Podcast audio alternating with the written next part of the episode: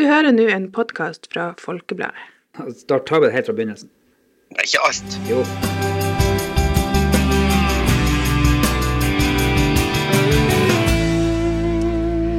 Velkommen til Folkepodden. Nå er vi midt i den stille uke. Det er, det er nok mange som har tatt påskeferie for noen dager siden allerede, men eh, ikke alle. Ikke vi her, i hvert fall.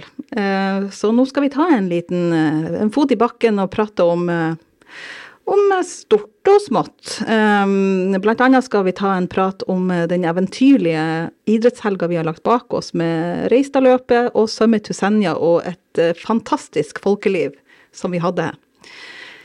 I studio i i dag så har vi med oss eh, sjefredaktør Steinulf Henriksen. Vi har eh, utviklingsredaktør Trond Sandnes, og så undertegnede nyhetsredaktør Maria Holm Simonsen. Steinulf, har du noen tanker om, eh, om den helga, helgas begivenheter, og hvordan det var? Ja, jeg skrev jo en eh, kommentarartikkel eh, midten av februar og stilte spørsmål om vi skjønte hvor stort dette kom til å bli. og så hadde jeg en ny artikkel som ble publisert eh, tirsdag, hvor at nå, tittelen med at nå skjønner vi litt mer med gåsehudfaktor 100. Eh, det var jo et eventyr, og det er jo den største idrettshelga i historien i uh, vår region, uten tvil. Um, først må man jo si litt om været. Det var grått og trist uh, helt fram til fredag. Så var det kanonvær lørdag og søndag, og så var det grått og trist igjen på mandag og i går. Og, så vi har jo vært usedvanlig heldige med været. For det er klart at for TV-bilder og selve arrangementet, publikumsoppslutning og alt sammen, så er jo været 100% avgjørende. Altså, det var jo full klaff på alle måter. og uh, Først med Reistadløpet med ca. 1000 deltakere i tur- og konkurranseklassen. Og så de 200 som gikk uh, siste sløyfa fra Bardufoss og uh, inn til Lundkaia på Finnsnes. Det er jo sånn det er nesten så du må klype deg i armen for å, for å skjønne hva man har vært med på.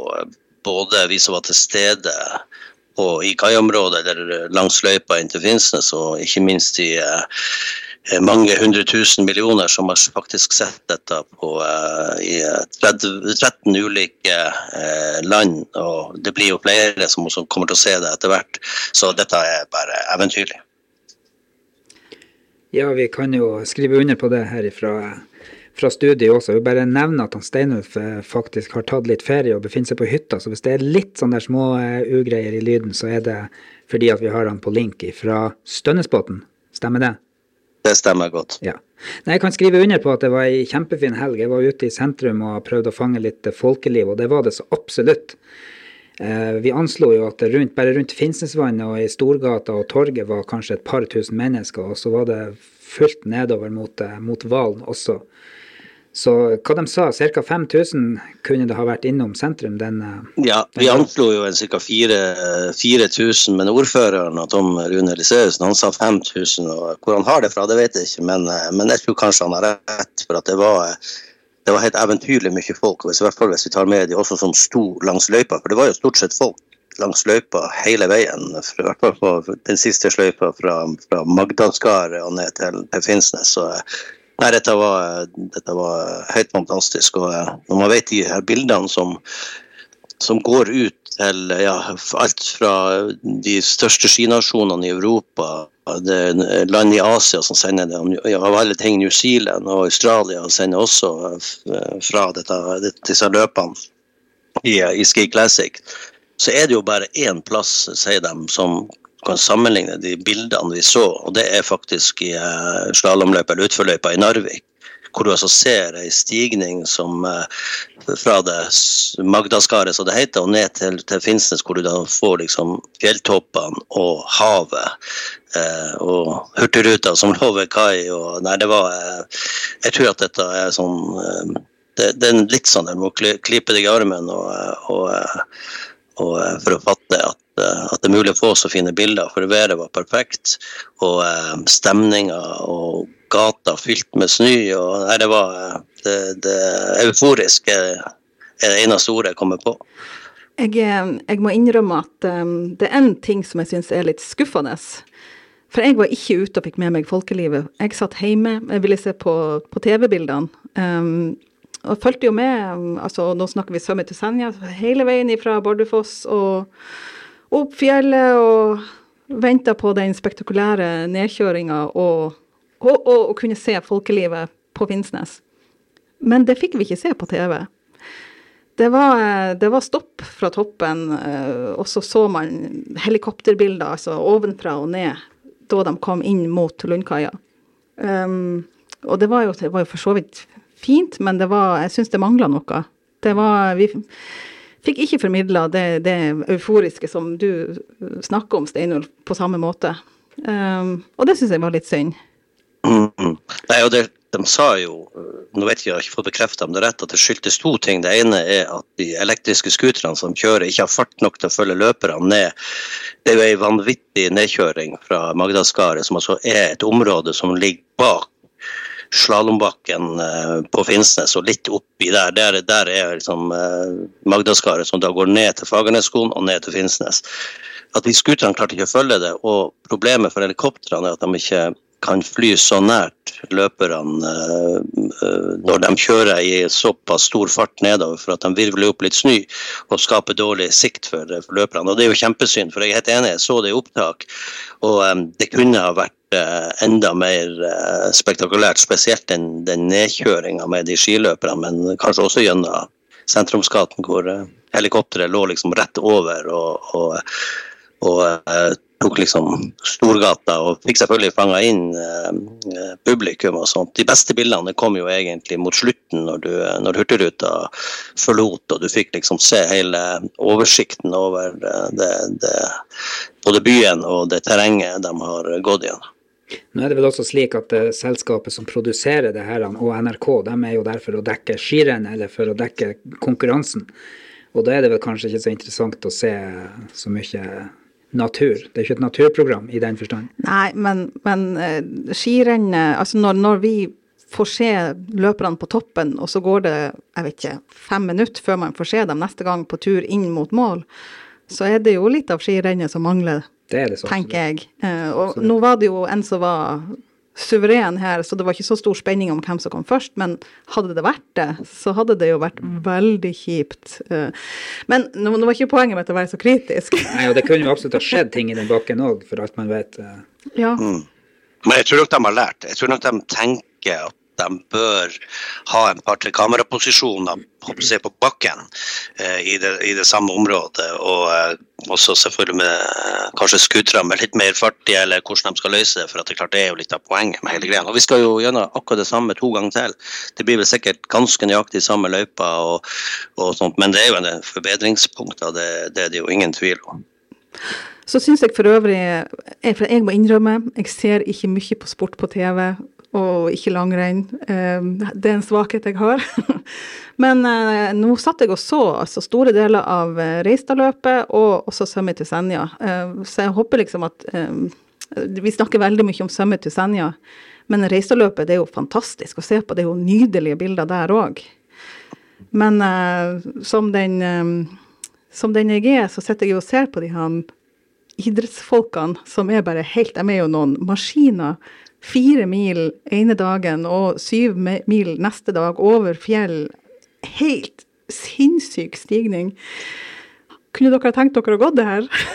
jeg tror dere har trengt noen uker på meg på, på snøscooter, det er ikke noe spøk. Jeg har noen kompiser som er sånn passelig dårlig trent, som gammel fotballspiller som jeg er, som gikk Reistadløpet for en par år siden. og Det var eh, tre år siden, var det vel. og det, ja, den formidlinga de sier at, at, det var steinhardt, og du kan tenke deg den siste Summit til Senja også, den, den, det er vanvittig. og Du så jo også på løperne som er topptrent, som var helt, helt gående etterpå. Så spesielt de som hadde gått begge rennene, de, de, kjente det nok. Det som, det som, er når du sier det med, med Reistadløpet også, som vi er nødt å huske på at Reistadløpet har vært arrangert i 50 år. og De, de arrangørene i de, de idrettsklubbene på Innlandet har altså nå invitert Sørreisa og Senja og Finnsnes inn i varmen.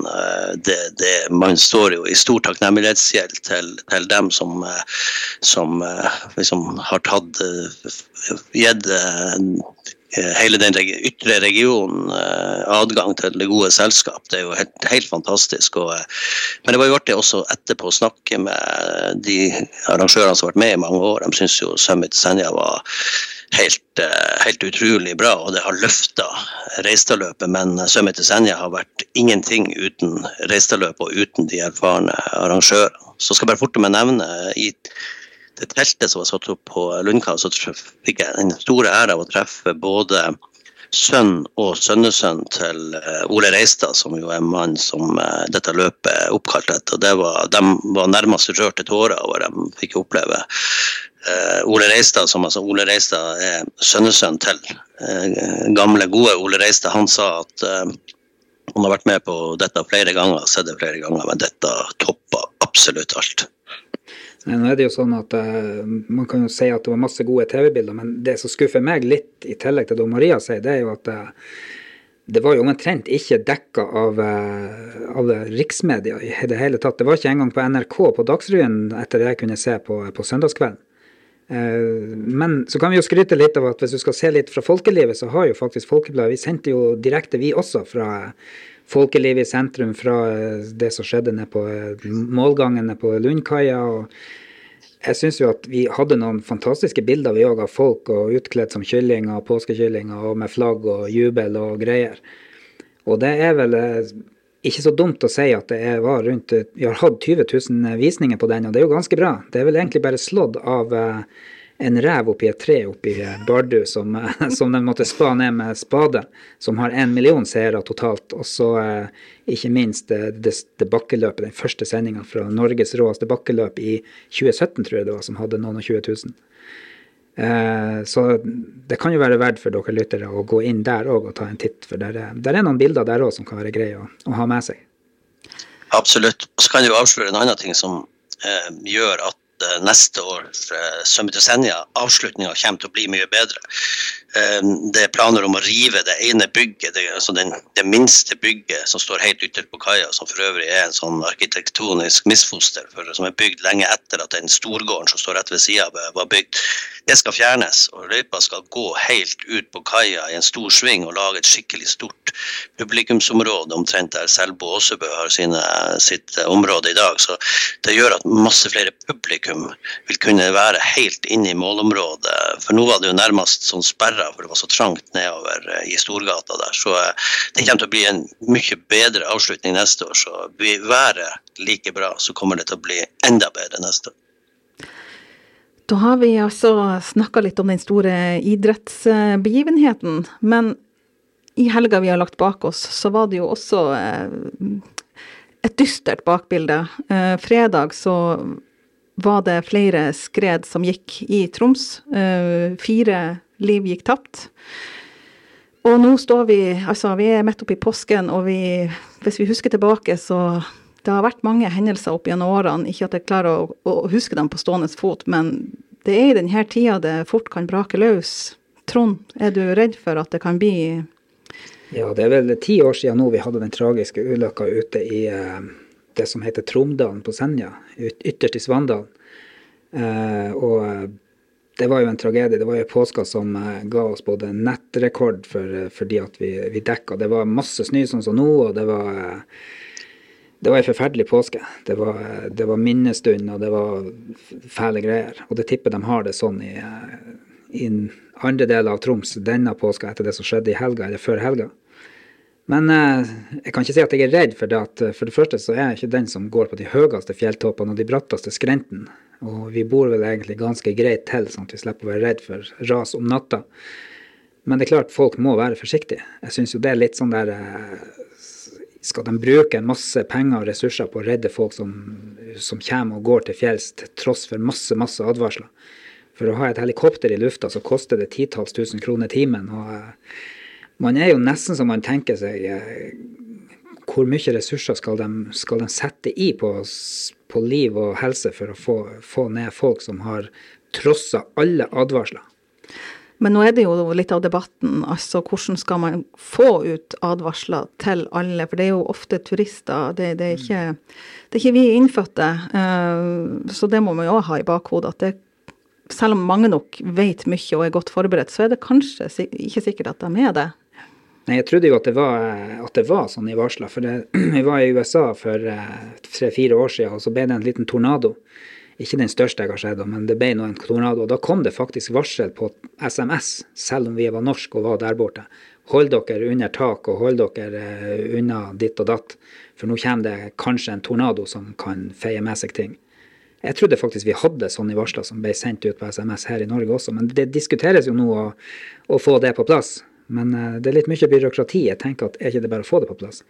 Jeg så ord, var det ordføreren i Nordreisa, jeg husker ikke helt, men der var det noe snakk om at de skulle sende ut um, SMS-varsel altså nå i helga til både innbyggere og til tilreisende om at det var veldig eh, farlige forhold i fjellet. Så noe system er det jo for å få ut den informasjonen. Ja, for teknikken er jo grei. Det er jo egentlig bare å begrense at de som har mobiltelefon innenfor det området, kan få en sånn melding. Og om det er flere enn dem som er der som får det, så gjør det jo egentlig ingenting. Ja, Steinulf, hva du tenker Nei, altså For det første så er det jo sånn Nå har jo vår region vært forskåna denne omgangen. Det har jo gått tre ras med dødelig utfall i Nord-Troms, og det gikk også et eh, ras i, i, går som stengte en vei der oppe. og Hittil har det jo ikke vært noen eh, sånne, sånne type ulykker. Det har gått noen småras som har stengt skuterløyper og sånne type ting. Men for det første så er det jo ingen problem å skaffe seg den informasjonen hvis du er villig til å ta imot den. Du har varsom.no, og du har alle mulige nettsteder sånn som man kan søke, som også kommuniserer på ulike språk. Så det, noe, det finnes ikke noe unnskyldning for det. og Også i Nord-Troms så, så man jo at det gikk turister inn i de samme områdene der det hadde gått ras bare få timer etterpå. og som hvor de blir tatt av. Sånn, så det er ingen tvil om at de oppsøker det og vet godt om de farene som er. Jeg sitter akkurat nå og ser ut gjennom vinduet her i Stønnesbotn og ser rundt de, de, kanskje mest utfordrende fjellene på Senja med Breitind i sør og Keipen og Grytetippen og Barden og, eh, og helt ut til Astridtind eh, over Bottenhamn. Det er jo fjell som stadig vekk utfordres. Og, og, vi ser jo også faktisk skiløpere som går opp i, i områder som, som uh, i utgangspunktet kanskje ikke er de mest rasfarlige sånn sett, men likevel. Det, man vet aldri. Det er masse snø. Den snøen ligger oppå et uh, usikkert grunnlag for den øverste delen av snøen. og Det har jeg opplevd også, for vi har vært og mokka en del på plattinga rundt omkring hytta her. Den øverste delen er veldig tung, full av altså Det har regna og litt is og sånn, så, så uh, potensiell rasfare, selv om jeg så han var beregna til en moderat, så uh, kommer det nå folk som kommer til å gå i områder som man ellers ikke går i pga. at det er påske og stor utfart. Så ja, ja, det, mm, vi får bare krysse fingrene og håpe at, eh, at det går bra. Eh, hvis den ulykka som var på Reinøya, der, der, to mennesker omkom, både hus og gård for på havet, det var jo, det var et område hvor det, folk kunne ikke huske at her har det gått ras før. Det er jo noe med det. altså Man vet altså man har jo en, en, viss måte å forsikre seg om at, man, at, det er trygt der man går, men allikevel, det virker som at man kan egentlig aldri være helt sikker. Så um, Nei, det er jo det med at været og, vær og vind, vind Vindretninga sørger jo for å lage fokkskavler, og dem, det, det, er jo mange hundre vindretninger, egentlig. Eh, så det kan være snakk om bare noen grader forskjell, så er det fokkskavel der som ikke har vært fokkskavel før. Så det, det, det, det, er liksom forskjell fra år til år, det. Fra måned til måned. Hvordan, hvordan det er. Men det er ikke, sånn, ja. Hvis man har sett på den TV-serien som går på NRK TV, så er det eksponert med de her guttene som eh, går i fjellene, bl.a. i Lyngen, i Jekkivar og andre plasser, så er det jo så utrolig mange, som du sier, så mange Det handler litt om selvfølgelig hvordan fokkskavlene har bygd seg opp hvordan sammensetning av snøen er, og det også hvor avgjørende sola er når sola kommer opp og varmer. Eh, og kan de bruke uttrykket at snøen begynner å koke, så, det, så, kan det snu fra å være ganske trygt til å bli livsfarlig bare på eh, noen få timer. Så eh, det er det som er. Det er så lunefullt og så vanskelig å, å finne ut av at eh, ja, det er best å holde seg unna når det er såpass mye snø i fjellet som det er nå. Så er det jo faktisk noen som eh, mener at uh, snøen i Europa, uh, i Sveits og Østerrike, ikke er av samme sammensetning som her, med tanke på forskjellige temperaturer, høyde over havet osv. Så videre. sånn at det er jo ikke sikkert at folk som lærer snøen der nede, kommer hit at det er den samme snøen. Nei, og det er jo en del som har med seg guider fra andre plasser for å guide i fjellene her, og det er kanskje ikke alltid det lureste. Mm. Nei da, vi husker jo den tragiske ulykka oppe i Blåbærtind, eller Blåbærfjell oppe i eh, Tamokdalen for var det fem mennesker. Det er vel par, fire-fem år siden, det også. Ja, noe sånt. Og der var det jo faktisk sånn at de klarte ikke å grave ut eh, den eller de siste personene før, eh, før snøen tinte til, til våren. Nei. Nei, det var forferdelig. Og han, vi kan jo òg gjenta det han Mats Gilbert har sagt både til oss og til andre medier. og du har ikke mange minuttene på deg hvis du blir tatt og blir nedi et ras. Altså det, du må satse på at de som er i lag med deg, eh, hvis de er kommet seg ut av raset, klarer å finne deg og berge deg. For eh, han sier det at når minuttene går, så minsker sjansen ganske kraftig for å finne deg i live. Ja, det er vel 15 minutter de sier som det, det, det er jo det, det tidsområdet du har til å, på, å berge dem som er tatt. Ja, Jeg tror det er viktig også bare sånn Dette med holdninger sånn til det er viktig å få frem. Jeg leste en artikkel i går om, eh, i A-magasinet om eh, rasfare Dette, dette, dette tilfellet Mount Everest. Da var det en som uttalte det var veldig bra det at det er viktig å få frem at risiko ikke er en privatsak. Altså Du skal eh, vite hva du gjør, og, eh, og eh, ikke bare mot deg sjøl, men ikke minst dem som er glad i deg og rundt deg, og ikke minst redningsmannskap. Altså, eh, så risiko blir aldri en privatsak. Du tar det ikke på, bare på dine egne vegne, du tar det på vegne av veldig mange andre. og Det tror jeg er viktig å tenke på før man gir seg ut på risikoturer. Mm, og der, der er du litt inn på det han Trond eh, nevnte om kostnader og ressurser når man faktisk må sette i gang et apparat når det går galt. Mm. Men eh, og, og altså For mange av oss, i hvert fall meg, så eh, jeg kan fint være ute uten å utfordre skjebnen. Altså, vi har jo utrolig mange fine områder hvor man kan utfolde seg på både den ene og den andre måten. Så, så mulighetene er jo der. Så absolutt. Vi eh, har jo mange turistanlegg eller sånne her skianlegg i området, og skiløyper som er kjørt på trygg, trygg grunn. Så det kan jo være en grei regel kanskje for hvis man er litt usikker, at man holder seg i nærheten av, eh, av de anleggene. Ja. Og De aller fleste skiløyper går jo gjennom 100 trygge terreng, og, og eh, de fleste håper jeg, skiterreng uansett er jo veldig trygg. Det som er farlig, det er med en gang du begynner å eh, klatre opp mot fjelltopper, og hva det er over 30 eh, helling de prater om, det er da det kan være fare. Ellers så går det jo kjempebra.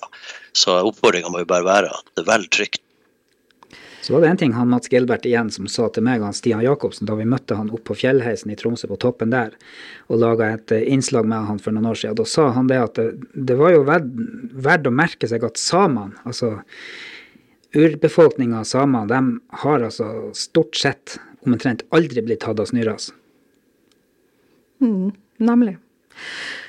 Men nå skal vi ta en, eh, altså gå bort litt ifra eh, skredproblematikk, og så skal vi heller pra prate litt om eh, hva vi har tenkt å gjøre i påsken.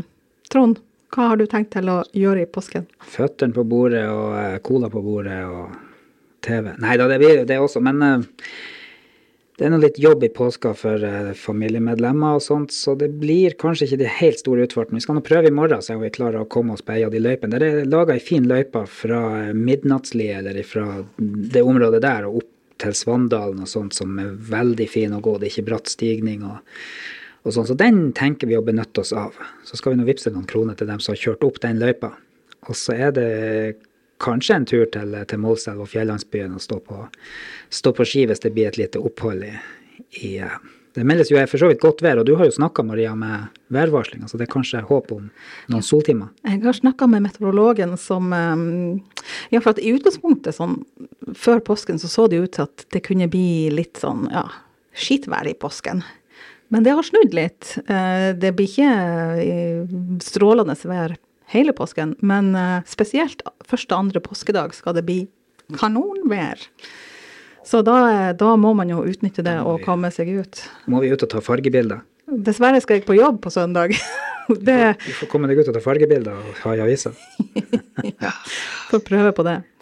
Steinulf, hva du, eh, hva du skal gjøre? Skal du være på hytta hele påsken? Ja, det ligger vel an til det at vi, eh, vi blir Stønnesbotn. Og eh, vi har jo et fantastisk skiterreng. Vi går jo rett ut fra Plattingen her, inn i ei skyløype som går opp til et eh, vi kan ikke fjell engang, det er vel en sånn liten topp som heter Barsten. Og så har vi, ser, ser jeg rett ut av vinduet nå mot et annet fint skiterreng som går oppover langs Geitvatnet opp til fjellet som heter Geita, og går faktisk under fjellet som heter Bukken. Bukken er litt bratt, men jeg har aldri sett det gå ras der, så jeg tror vi er på trygg grunn der også. Og så kan vi gå helt i, sånn at vi ser utover til Vangshavn, innover mot uh, Brensholmen og uh, helt, egentlig gå helt ut til Gavlen, som ligger uh, på andre sida av Stønnesbotn og fjorden der fra Botnhamn. Så det er jo et fantastisk skiterreng med delvis oppkjørte løyper, og delvis bare at man går i fri, fritt terreng. Så Innledninga på, på, påsken var i går med å uh, bruke snøfresen på plattingen utfor her. Det var uh, en god meter, kanskje halvannen meter snø her etter takraset var gått og sånt. Men nå er vi ferdig med det, så nå uh, hopper vi på godvær som du har spådd, Maria. Og så satser vi på å være ute en masse. Du, hvordan, du nevnte å gå i, i eget terreng der. Hvordan er, er det djupgått? Hva du tenker om det Ja, Om det, altså, det, du søkker mye i snøen? Eller? Nei, altså det er jo kjørt skuterløype. Så det, Men når du går utafor løypa, er det Ja, det er klart at nå er snøen begynt å bli såpass sånn uh, råtten øverste laget at, uh, at uh, du Altså det er betydelig bedre å gå i oppkjørte løyper, og det er veldig tungt nå. Spesielt sånn når det er såpass lavt som det her. hvor Det, og, og, så da, da, går man dypt ned i snøen. Så jeg vil jo anbefale de som skal gå i dette terrenget her, det å oppsøke løypen. Og du har jo også ei kjempefin løype eh, som går fra, fra Lys, Lysnes, den her Sletteituren, eh, som da skal gå på torsdag. Så det er jo kjempefine løyper i, i det området her. Enn du, Maria? Ja, nei, det blir nå sikkert litt sånn tradisjonsrik påske med kanskje litt Kvikk Lunsj og litt Kvikk Solo. nei, også, nei, jeg håper nå at man skal komme seg ut litt. Vi, vi, er jo veldig glad i å fare ut på Storvannet, som, altså det store vannet som ligger attmed min heimbygd Vesterfjell. Der prøver vi å få dratt opp litt fisk, og der har allerede mann og to sønner de har vært og gjort et lite innhogg allerede. Guttene fikk åtte fisker i går. Så eh, kanskje blir det noen flere i løpet av påsken. Så det kommer an på om man har fiskelykke eller ikke. Eh, nei, så blir det noe litt sånn sosialt. Vi skal nå litt på besøk her og der, og så blir det noe litt familiegatherings. Så nei, det blir fint. Og spesielt hvis det blir sånn som meteorologen sier, at det skal bli fint på ja, hva det var han sa, søndag og mandag var virkelig de fine dagene. Eh, det skal være litt fint utover det òg, men det er de som utmerker seg. Vi får satse på å komme oss ut, om ikke annet så for å tømme søpla. ja, og kjøre på butikken og kjøpe mer Kvikk Lunsj. ja, ja, ja. Og cola. ja. ja. Med det så skal vi ta og uh, avrunde her. Um, og så får vi ønske alle som har hørt på, god påske. Og så kan vi jo oppfordre Maria om at uh, vi har en konkurranse på gang i Folkebladet. Ja. ja, det hadde vi nesten glemt. Men den er i gang allerede. Den er i gang. Vi har fått mange svar allerede, kan også avsløres. Ja, Trond, uh, si kort om hva den konkurransen er. Ja, det er jo en idé av Maria Holm Simonsen uh, å lage en liten geografikviss, en lokal geografikviss, der vi har et innslag hver dag der folk kan gjette eller vette. Mange kan kanskje vite òg hvor, hvor, det er, veldig ut ifra de videobildene vi har. Så kan de da delta og sende inn en SMS med svaret, og så blir de trukket ut eh, en vinner hver dag som da får noen, noen flakslodd. Så vi satser på litt sånn der eh, inne- eller uteaktivitet eh, de her påskedagene, fram til og med mandag. Så her er det bare å kikke på, på, bildene og så sende inn forslag. Ja. Eller, eller, fasit. eller fasit. Men det er i alle fall godt forklart der, så hver gang du sender inn, så er du med i trekninga av Og svarer rett, selvfølgelig, så er du med i trekninga av eh, fem flakslodd. Yes. Men da skal da. vi runde av. Um, I studio her i dag så har det vært eh, med han Steinulf Henriksen, Trond Sandnes, og så meg, Marie Holm Simonsen. God påske. God påske. God påske.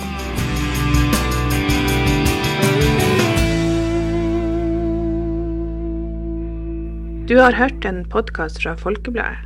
Sjefredaktør er Steinulf Henriksen.